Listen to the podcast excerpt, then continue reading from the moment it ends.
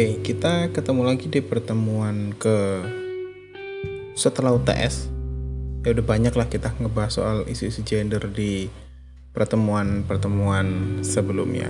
Ini pertemuan setelah UTS ke 9 harusnya. Karena UTS kan ke minggu ke-8 ya. Oke. Anyway, kali ini bahasannya soal uh, ngelihat aspek gender dilihat dari uh, gimana dinamikanya di level internasional, di level organisasi internasional, di level uh, eh, INGO uh, yang international non governmental organization dan dan and so on. Oke, okay, saya mulai dengan pertanyaan uh, sederhana. Pernah nggak sih kepikiran dari mana orang tahu mengenai ide-ide gender equality? Dari mana sih munculnya? Start from where? Kapan orang mulai berdiskusi soal ini? Kapan orang mulai tahu? Taunya dari mana? Karena tahu itu kan bukan proses yang yang uh, instan kan, kan bukan tiba-tiba tahu gitu kan, kan enggak. Kan kalau dalam uh, ya, sebagai makhluk sosial uh, tahu itu kan ada prosesnya paling manusia yang berpikir ya ada proses mencari tahu atau ada proses bersinggungan dengan informasi dari mana munculnya ide soal gender equality. Tentu jawabannya macam-macam ya. Kalau dari sisi religius mungkin dari wahyu diturunkan dan seterusnya.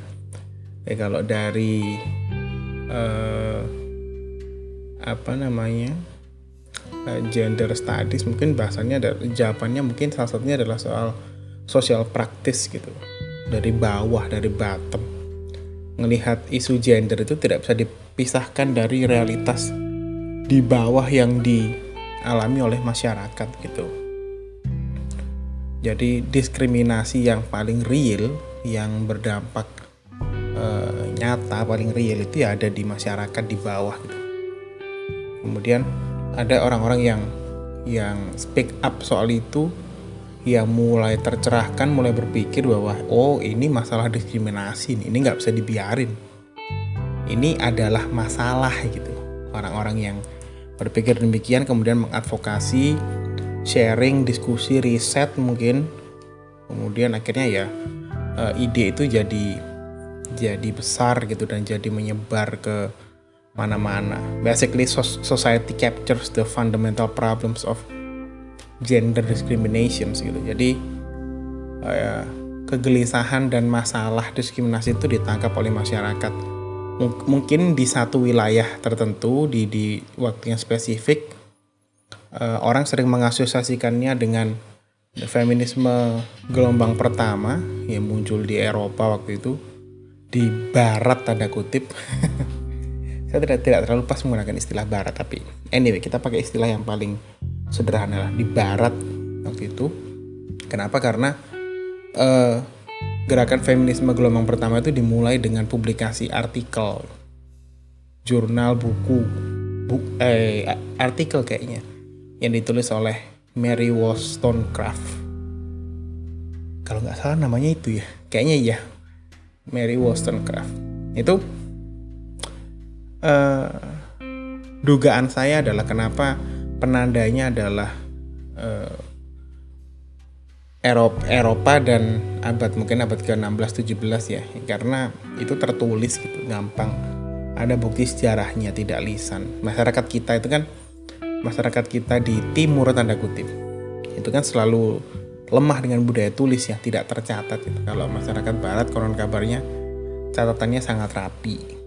Dan semua semua tercatat gitu. Makanya lebih itu itu salah satu salah satu ya alasan kenapa uh, budaya Barat itu jadi budaya yang dominan gitu, dalam narasi-narasi sejarah karena mereka yang uh, menang menang itu by menang means juga bisa diakses informasinya dengan dengan jelas gitu dan rujukannya jelas tercatat semua. Uh, padahal di di kita di Indonesia misalkan kita punya Kartini uh, yang yang juga sadar ini anak gadis dipinggit di budaya Jawa kemudian dia dibatasi aksesnya ke mana-mana tapi dia berpikir mungkin punya teman diskusi mungkin punya punya uh, kelebihan berpikir mungkin ya. Kemudian akhirnya nulis surat itu dan terdokumentasi dan artinya akhirnya jadi sangat monumental mengkritik budaya Jawa waktu itu yang sangat mengsubordinasi uh, perempuan gitu. Kenapa perempuan tidak diberikan akses yang sama dan seterusnya? Itu adalah salah satu pemikiran gender uh, equality kesetaraan gender yang muncul dari dari sini dari dari sekitar kita gitu, dari kebudayaan dari orang yang hidup di kebudayaan kita. Nah kemudian nilai-nilai ini jadi mengglobal berjejaring orang ketemu orang cerita mungkin pemikir ini ketemu pemikir itu bercerita dan the rest is history. Akhirnya jadi semua jadi jadi ketemu jadi gede idenya. Kemudian jadi uh, eventually become a global values. Uh, yang awalnya lokal value tadi yang awalnya diawali oleh orang-orang Eropa yang tercatat. Padahal eh, tapi kalau keyakinan saya sih setiap tempat itu punya perjuangan gendernya sendiri di awal. Cuma tidak tercatat saja. Ada relasi gender yang unik ada relasi uh, kuasa yang opresif kemudian dilawan. Itu kan dalam sejarah umat manusia kan selalu soal soal opresi dan perlawanan ya. Selalu akan ada opresor dan selalu akan ada orang yang melawan gitu. E, dari zaman kapan pun mulai dari zaman perang dan zaman manusia purba dulu zaman kerajaan perang e, kesukuan sampai zaman feodalisme bergeser ke zaman kerajaan lagi akhirnya zaman negara bangsa semua soal opresi dan perlawanan opresi dan perlawanan. Where there is power there is resistance gitu. Uh, nah eventually uh, gender equality jadi global norms kan kemudian disepakati oleh banyak negara disetujui oleh banyak pemikiran uh, aliran pemikiran disepakati oleh banyak orang orang ketemu orang tadi prosesnya kemudian yang punya pemikiran dari Indonesia ketemu dengan yang dari Amerika, dari Eropa, kemudian ngobrol. Kayaknya kayaknya kita punya visi yang sama deh dan bla bla bla bla. Ketemu forumnya jalan terus, ketemu korespondensi, kemudian akhirnya jadi global value. Jadi banyak yang percaya bahwa yang paling ideal adalah gender equality. Uh, gender equality tentu saja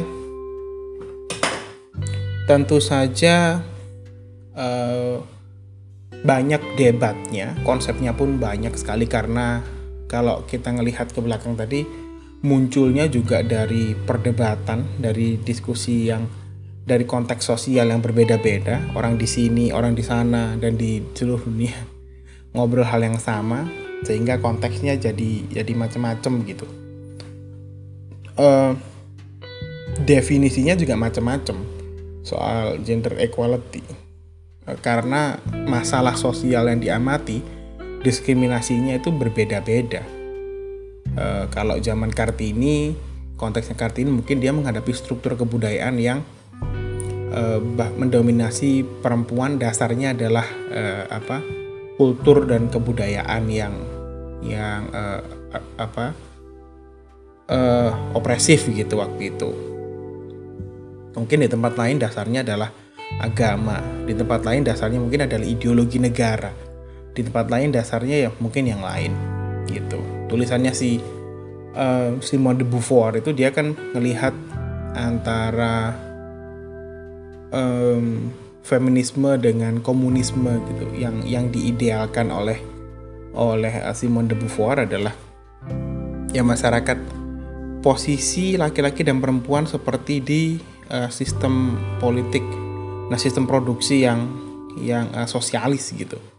Jadi kamu mau laki-laki mau perempuan selama kamu bisa produktif bisa kerja, kamu wajib diberi akses oleh negara dan uh, apa diperlakukan secara setara gitu.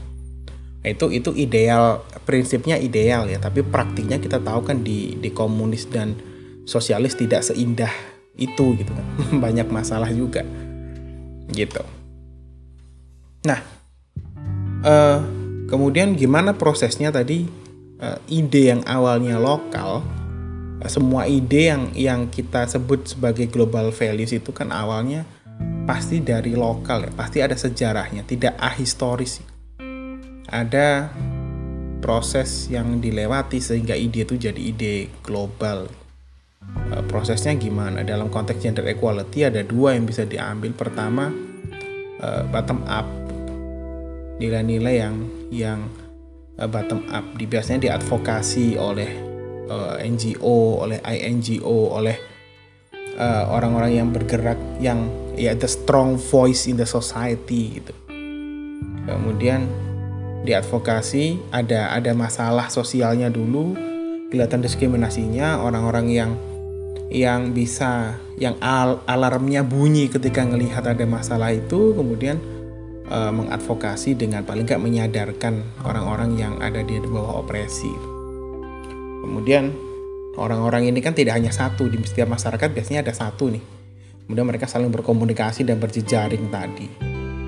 Akhirnya uh, itu jadi jadi salah satu uh, proses untuk nilai lokal itu bisa jadi nilai global yaitu diadvokasi melalui prinsip yang bottom up gitu diusulkan oleh masyarakat yang ada di bawah.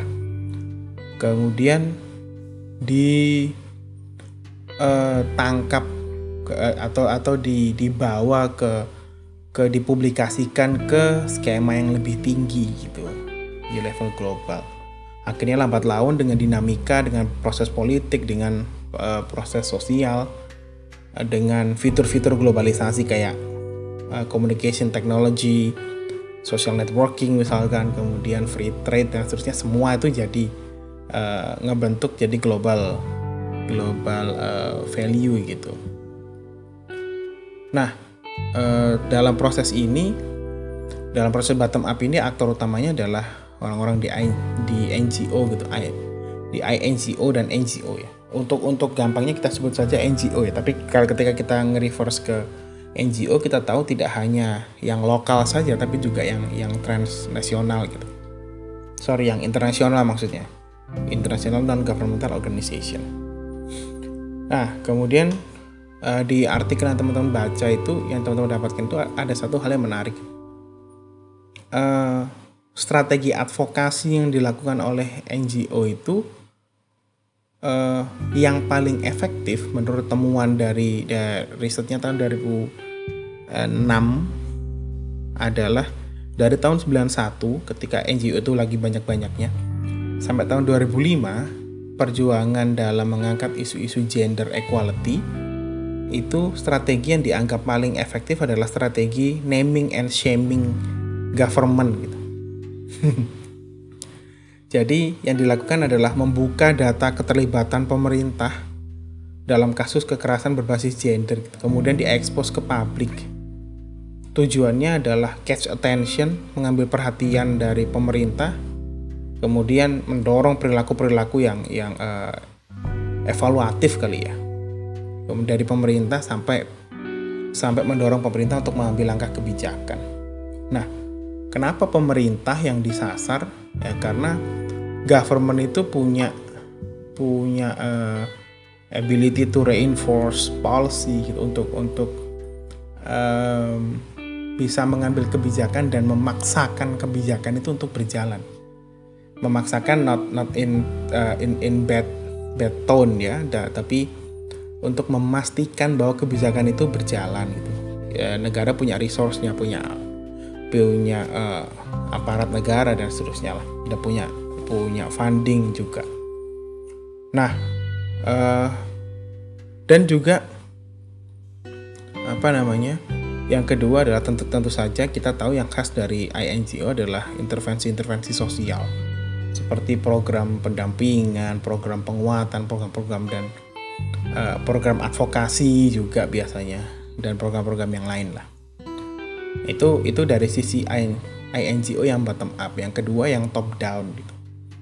Um, yang top down ini biasanya diusulkan oleh elit.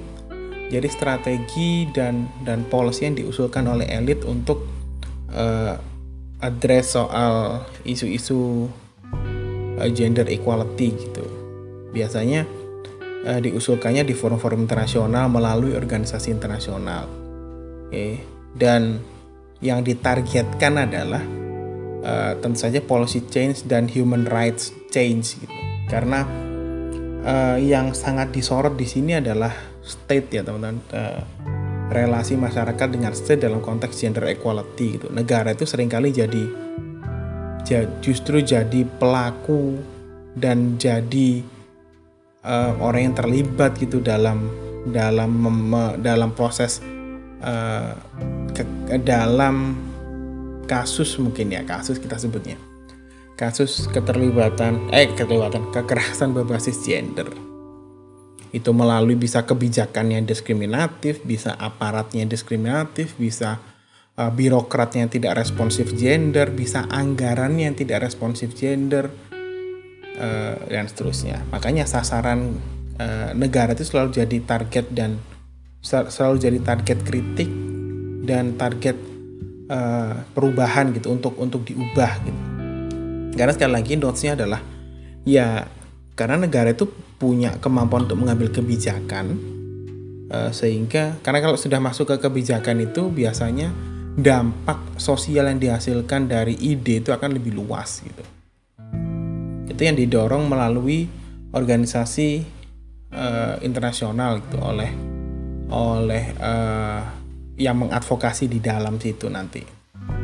Dan approach-nya dalam in, dalam konteks ini ada dua. Lebih biasanya legal formal. Yang pertama yaitu mengeluarkan convention. Uh, UN tuh sering banget mengeluarkan convention kan?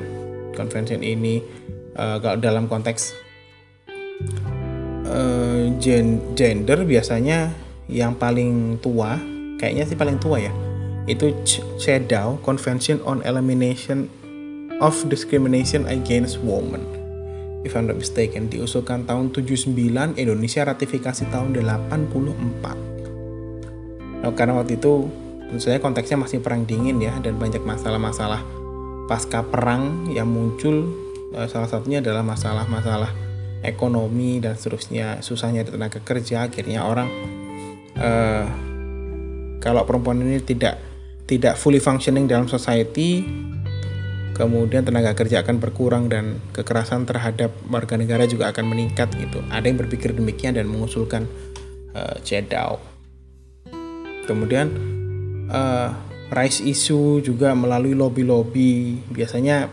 approach-nya di di sana gitu Kemudian yang kedua juga adalah uh, funding approach gitu. Jadi um, biasanya ini biasanya posisi dari organisasi internasional uh, ketika melakukan uh, fund funding approach ini bentuknya adalah intervensi program dan biasanya berkolab sering kali berkolaborasi dengan dengan uh, INGO di sana. Jadi uh, ada orang yang menginisiasi ide, mengadvokasi ide soal kesetaraan gender, dilempar ke ke forum internasional, di forum internasional diputuskan oke okay, strateginya begini begitu, kemudian biasanya di, di, di tim kecil ya, biasanya misalkan di UN Women dan dan tim tek, tim teknisnya, kemudian di sana mereka mengumpulkan dana, fundingnya diberikan ke NGO lagi untuk di uh, mengkritik, kritik dan mengadvokasi uh, naming and shaming tadi. Eh, negara-negara yang yang dianggap bermasalah gitu. Nah gitu. Itu itu itu kemudian ken, uh, kenapa itu kemudian uh, yang yang terjadi. Jadi ketika ngomongin soal uh, gimana INGO, gimana IGO itu memperjuangkan mengadvokasi ber, atau berposisi dalam kesetaraan kesetaraan gender uh, harus dilihat dulu nih kita sedang ngomong di mana yang bottom up uh, approach atau yang top down approach gitu. Dan dan biasanya sasarannya sasarannya adalah uh, state. Karena state yang bisa impose uh, apa change dalam skala yang masif melalui kebijakan. Dan sekali lagi uh, karena disepakati bahwa sovereignty is absolute makanya there is nothing beyond the state gitu makanya yang disasar adalah negara itu nah biasanya dalam konteks dalam konteks menerjemahkan uh, global norms itu sampai pada lokal uh, practice itu biasanya prosesnya juga tidak gampang. Selalu ada resistensi gitu dalam proses politiknya saja. Misalkan CEDAW diratifikasi Indonesia bias kemudian dijadikan dasar untuk masyarakat sipil mengusulkan RUU PKS. Pun debat politiknya juga sangat kencang kan. Dan nggak gampang juga menyatukan uh, apa bernavigasi dalam proses politik ini.